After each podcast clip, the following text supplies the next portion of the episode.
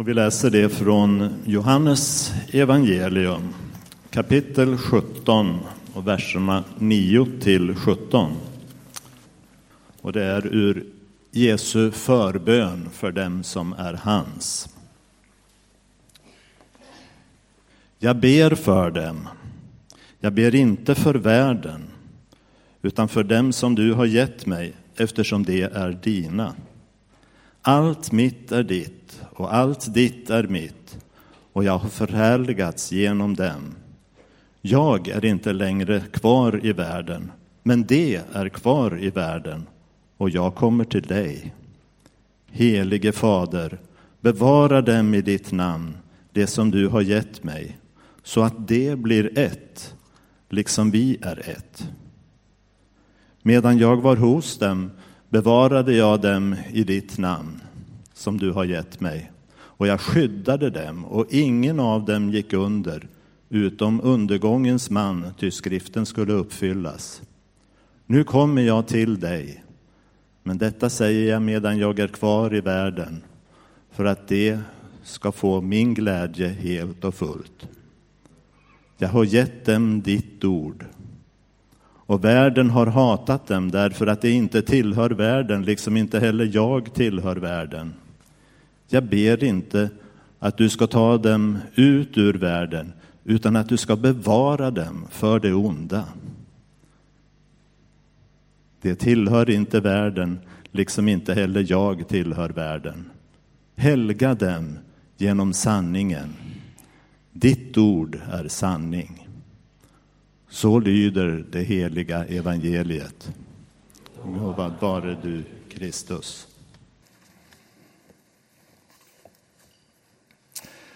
Vi lever nu i det som kallas för påsktiden, alltså efter påskveckan, efter det att Jesus dog och uppstod igen. Och den tiden som varar fram till det att Jesus sen lämnar lärjungarna, Kristi himmelfärd och pingsten när anden kommer. I den tiden lever vi just nu. Och i den tiden för lärjungarna som då var med om det en första gång så var ju det en tid av ganska stor oro. Det var en nyorientering. Visst, han dog, han uppstod, han är här, men han är inte här hela tiden och inte alls som förut. Hur ska vi nu tänka när det inte var som förut, att Jesus hela tiden går med oss, hela tiden talar om för oss, vägleder oss, tillrättavisar oss, uppmuntrar oss, när han inte finns som då? Hur ska vi nu tänka? Hur ska vi nu orientera oss? Hur ska vi nu tro? Hur ska vi nu be? Det är en sån tid för lärjungarna, en nyorientering.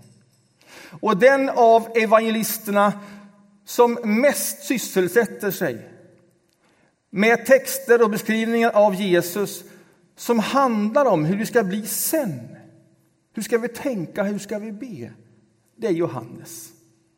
Och därför är det Johannes evangelium som vi läser idag. Och följer du vår bibelläsningsplan i Saron-appen så ser du att det är just Johannes evangelium som vi läser i den här tiden på året. Därför att Johannes sysselsätter sig med hur ska vi nu tänka och hur ska vi nu be. Och därför är det bland de här texterna som vi läser Jesu bön och förbön för lärjungarna för den bönen handlar om hur det nu ska bli. Eller för lärjungarna, hur det sen ska bli. Och det finns all anledning att läsa Jesu bön lite närmre. För det är lite snårigt sådär när man får det läst bara i ett stycke. Det går lite fram och tillbaks. Det finns en, en tv-serie på Sveriges Television som heter något i stil med var, vem, vem bor vart? Vart bor jag? Vet ni vad jag menar? Alltså, det är fem stycken par. Jag har inte, jag har inte, jag har inte, jag har inte sett den så mycket. Men så mycket vet jag att det är fem par, eller fem personer, som bor på fem olika ställen. Och sen ska de här fem personerna besöka varandras hem. Och sen ska man där försöka lista ut vem som bor vart. Visst stämmer det? Mm. Och det är väldigt intressant när man kommer hem till någon och så ser jag i något program att det är någon som bor i en väderkvarn. Och sen kommer alla fem, inklusive den som bor i väderkvarnen, hem till väderkvarnen. Och så börjar man ställa frågor till varandra. Och då gäller det ju att inte göra bort sig om man bor i väderkvarnen. När frågan kommer, hur fungerar egentligen en väderkvarn? Då ska man inte gå igång och förklara det. Eller så ska man det, på pin kiv. Eller när de kommer in i en lägenhet och någon på en gång känner i den här lägenheten luktar det flygande Jakob. Vem bor i en sån lägenhet? Flygande Jakob är en kycklinggratäng med bananer och jordnötter. Det receptet kom ut första gången i tidningen Allt om mat 1976. Och man rekommenderades att dricka rosévin till rätten.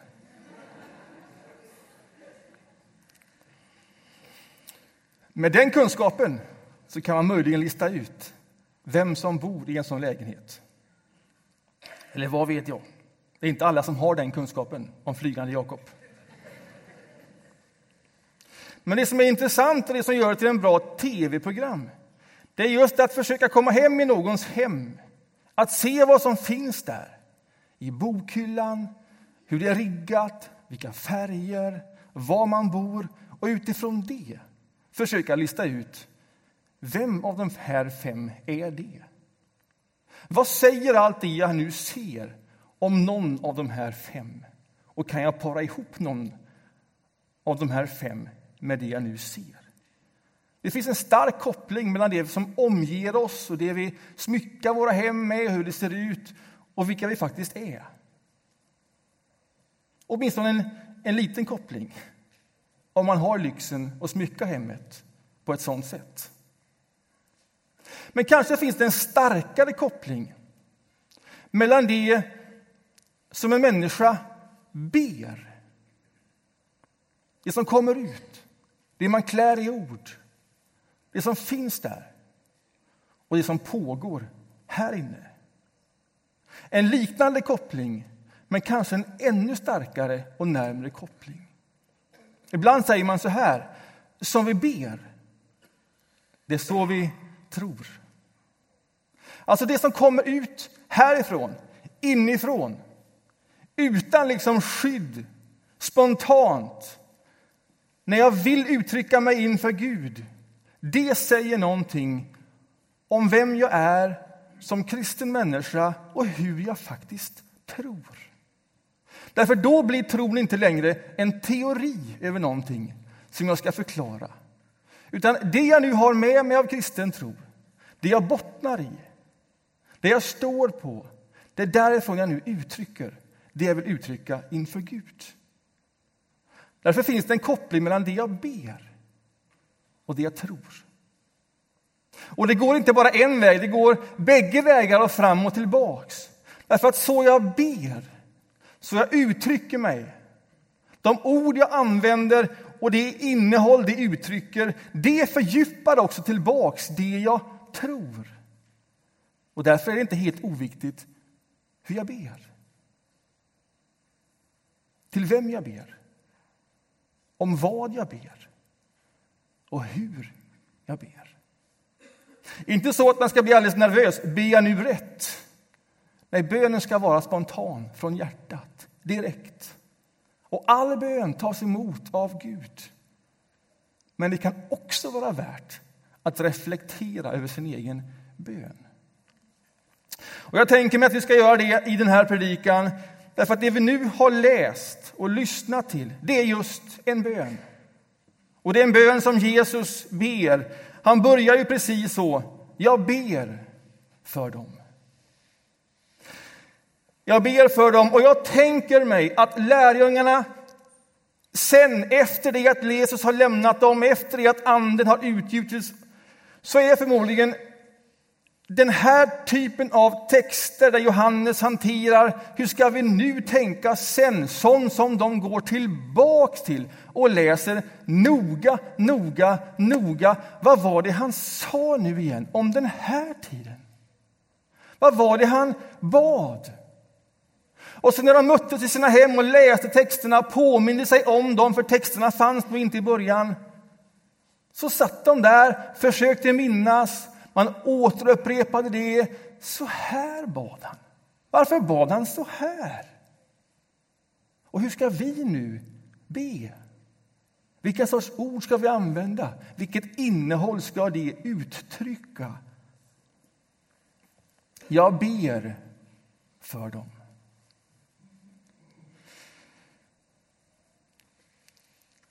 Bara det uttrycket. Jag ber för dem kan man läsa som en historisk skildring där Jesus där och då ber för lärjungarna. Man kan också läsa det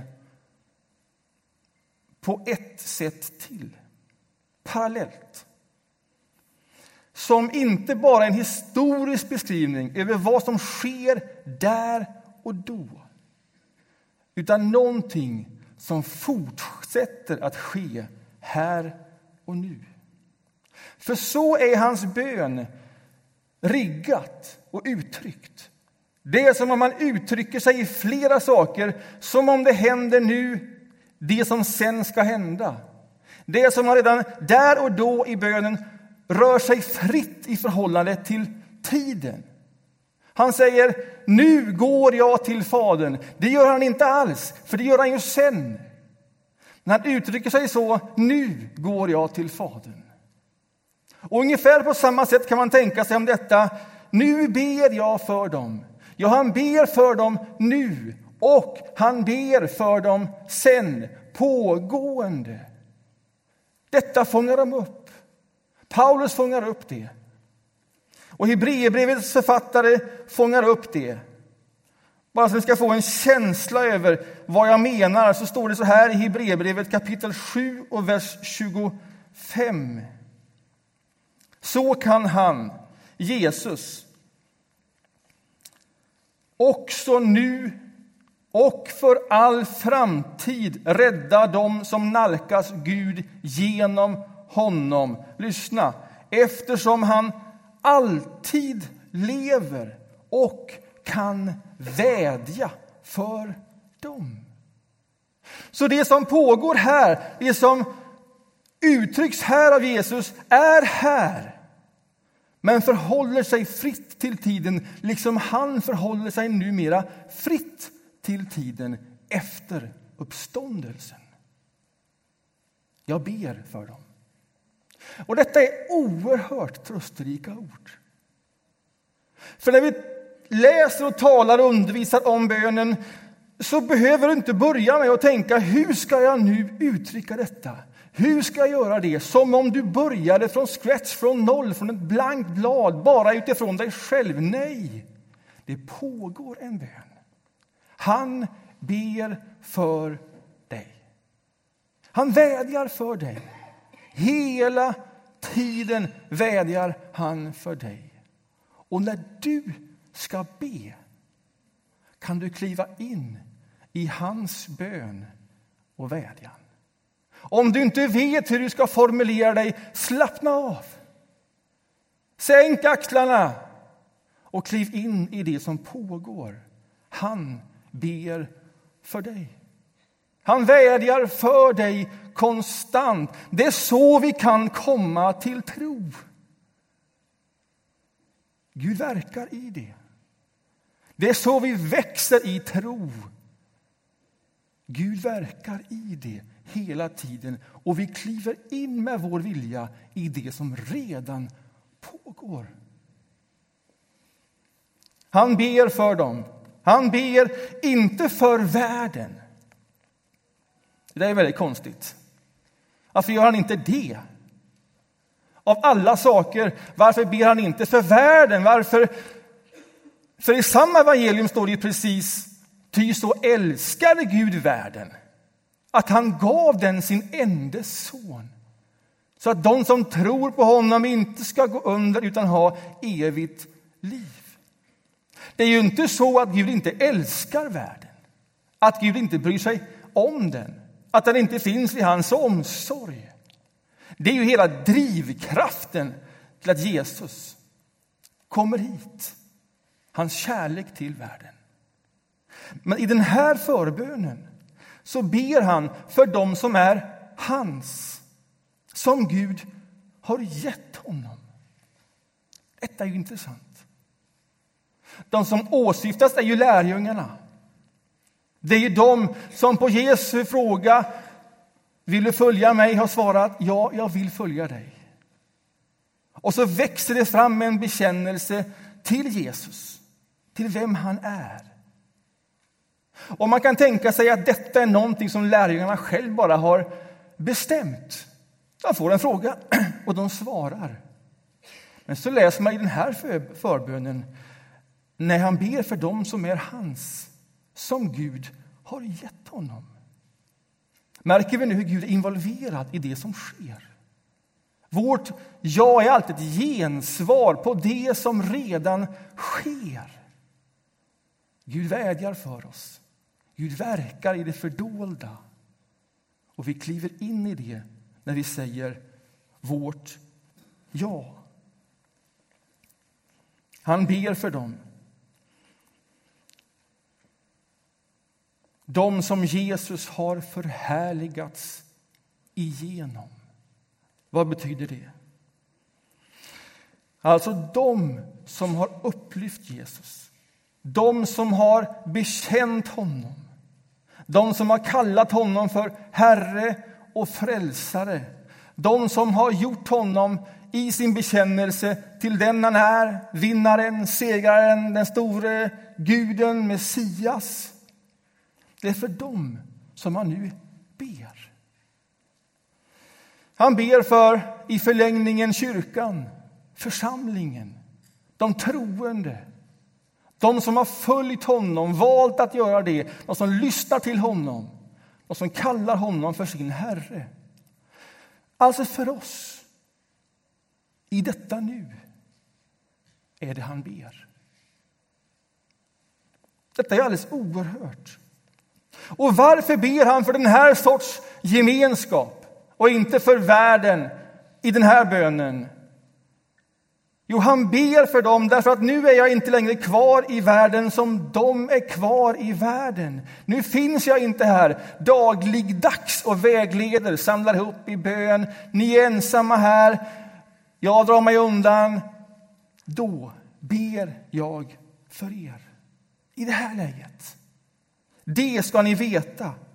Och jag fortsätter att be. Det tar inte slut.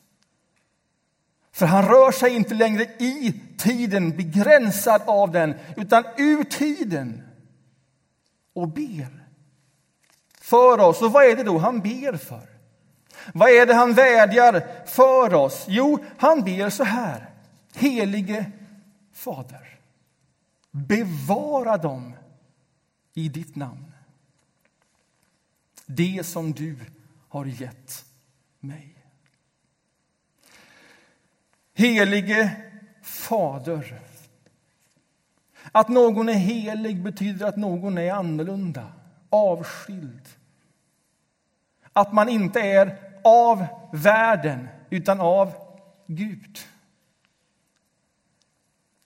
Han ber till denne helige Fader att han ska bevara församlingen, det vill säga oss, i hans namn. Det är ju inte helt givet. Men namn är samma sak som en person eller som en karaktär. Det sitter ihop hos Gud. Det finns ingen skillnad mellan vad någon heter och vad någon är eller gör. Allt det är sammanfogat i ett namn. Så han ber helige Fader, du som är helig, du som är annorlunda, du som inte är av denna världen, som kommer från någon annanstans. Bevara nu de som nu följer dig i din person, i din karaktär. så som du är. Och hur är Gud? Det är den stora frågan. Och det vet vi. Därför detta namnet har Fadern gett till Sonen. Alltså Guds person, karaktär. Allt det finns i Jesus, hos Jesus. Som gör att vi inte längre behöver fundera över vem är Gud? Hur ser Gud ut? Vad betyder det att bli bevarad i Guds karaktär? Det betyder att bli lik Jesus. Så han ber, bevara dem i detta annorlunda skap. Bevara dem i det liv som hör till Guds karaktär. Gör dem lika oss. Gör dem lika oss. Bevara dem i ett liv som inte är givet i den här världen. I kontrast till liksom Guds sfär och karaktär. Gör det så att de blir. Liksom vi är ett, Fadern och Sonen. Detta är ju mycket märkligt. Nu ber han för lärjungarna, han ber om det som ska komma. Han ber in i deras osäkerhet. Han ber att de ska bevaras, att de ska bli lika Gud. Att de ska hämta sin ledning därifrån. Att det som nu har påbörjat ska fullföljas hela vägen så att de blir ett. Liksom vi är ett. Jag och Fadern. Och detta måste man liksom höja lite grann på ögonbrynen för. För att bli bevarad i tron betyder i den här bönen inte att bli bevarad som en solospelare i förhållande till Gud och allt annat. Att bli bevarad i tron, att bli bevarad i Guds karaktär det handlar om den här gemenskapen i den mån vi är ett. Det där är ju märkvärdigt. Det är det där som gör tron så, så svår och så storslagen när det sker. Vad betyder det att bli ett, liksom Fadern och Sonen är ett? Det betyder ju inte att vi blir utplånade som personer, att vi förenas i ett sammelsurium, att vi inte vet vem jag är och vem du är. Det är klart du är du, och det är klart jag är jag.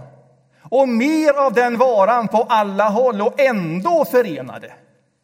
Det är vad det står här.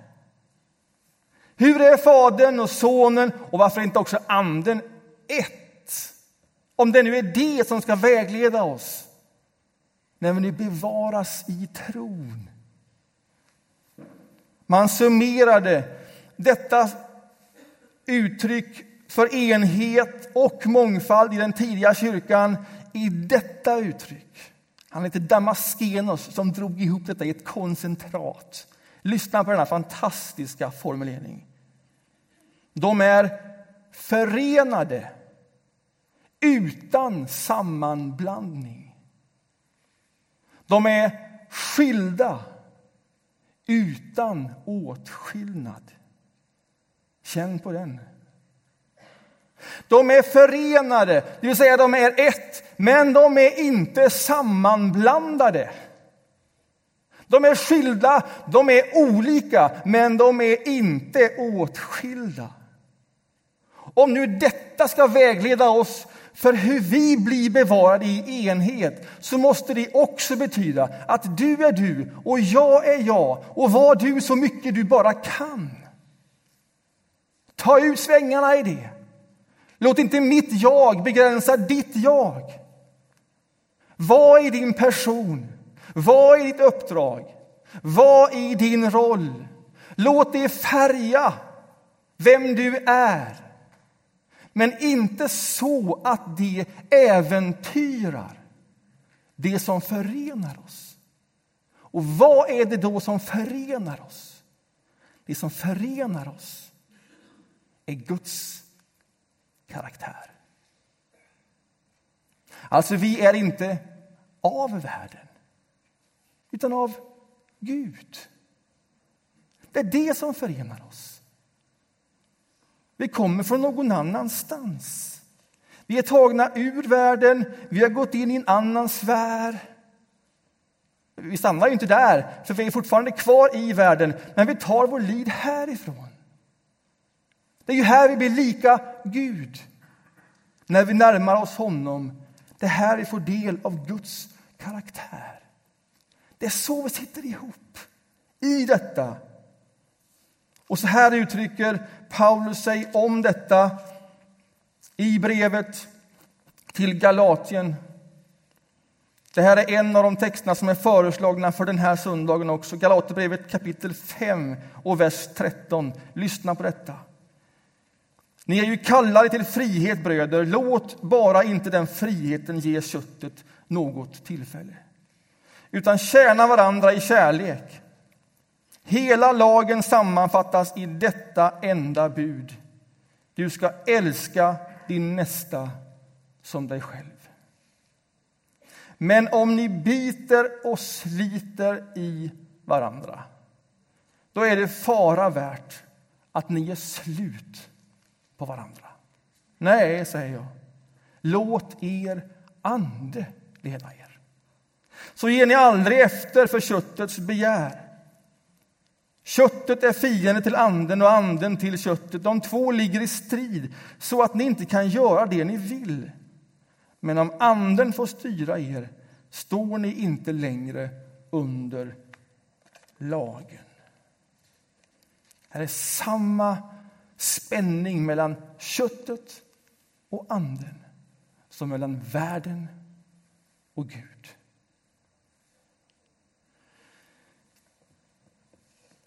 Och när Jesus ber för oss, medan vi är i världen att vi ska bli bevarade i Guds namn, i Guds karaktär. Att vi ska fortsätta bli lika honom så som det uttrycks och förkroppsligas i Jesus Kristus.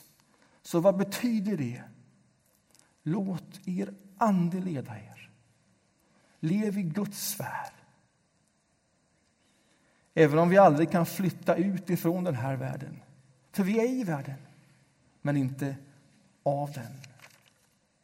Och så fortsätter han, så säger han Medan jag var i den här världen tillsammans med dem, då skyddade jag dem allihop och ingen gick under.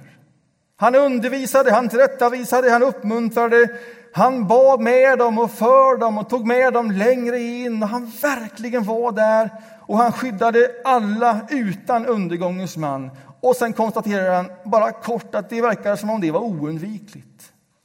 Att det skulle ske. Det stod så. Men han skyddade alla.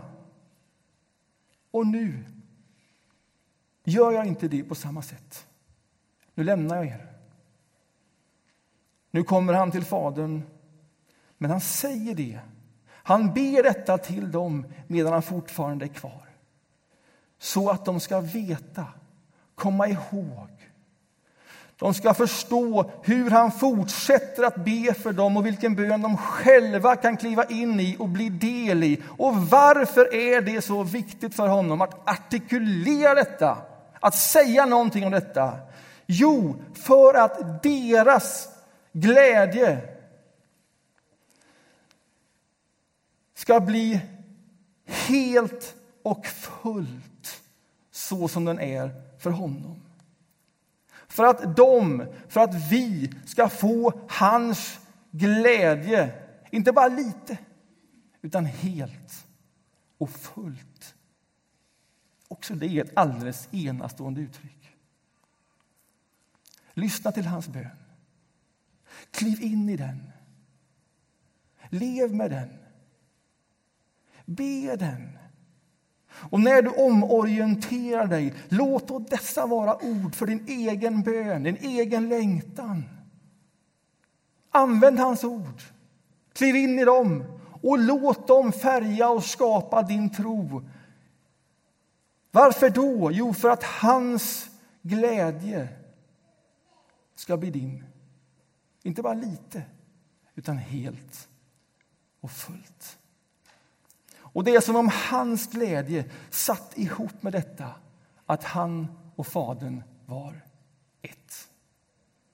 De var helt olika, och ändå hörde de ihop.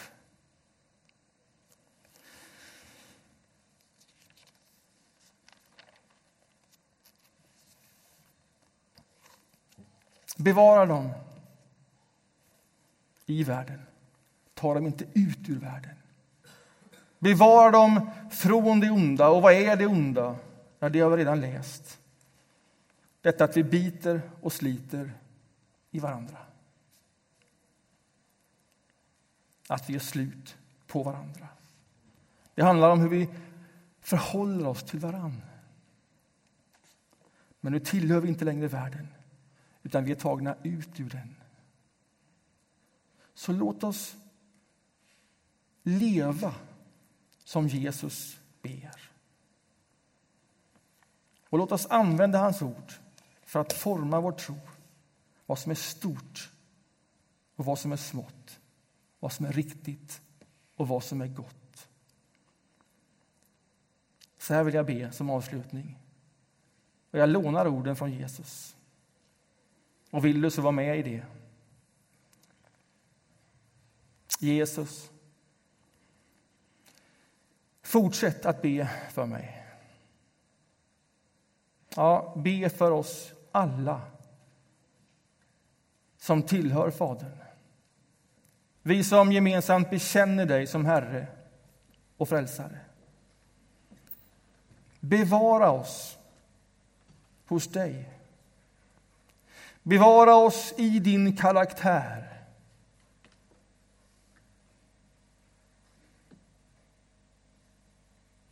Låt oss bli lika dig så att vi som tror förblir ett, liksom du och Fadern är ett.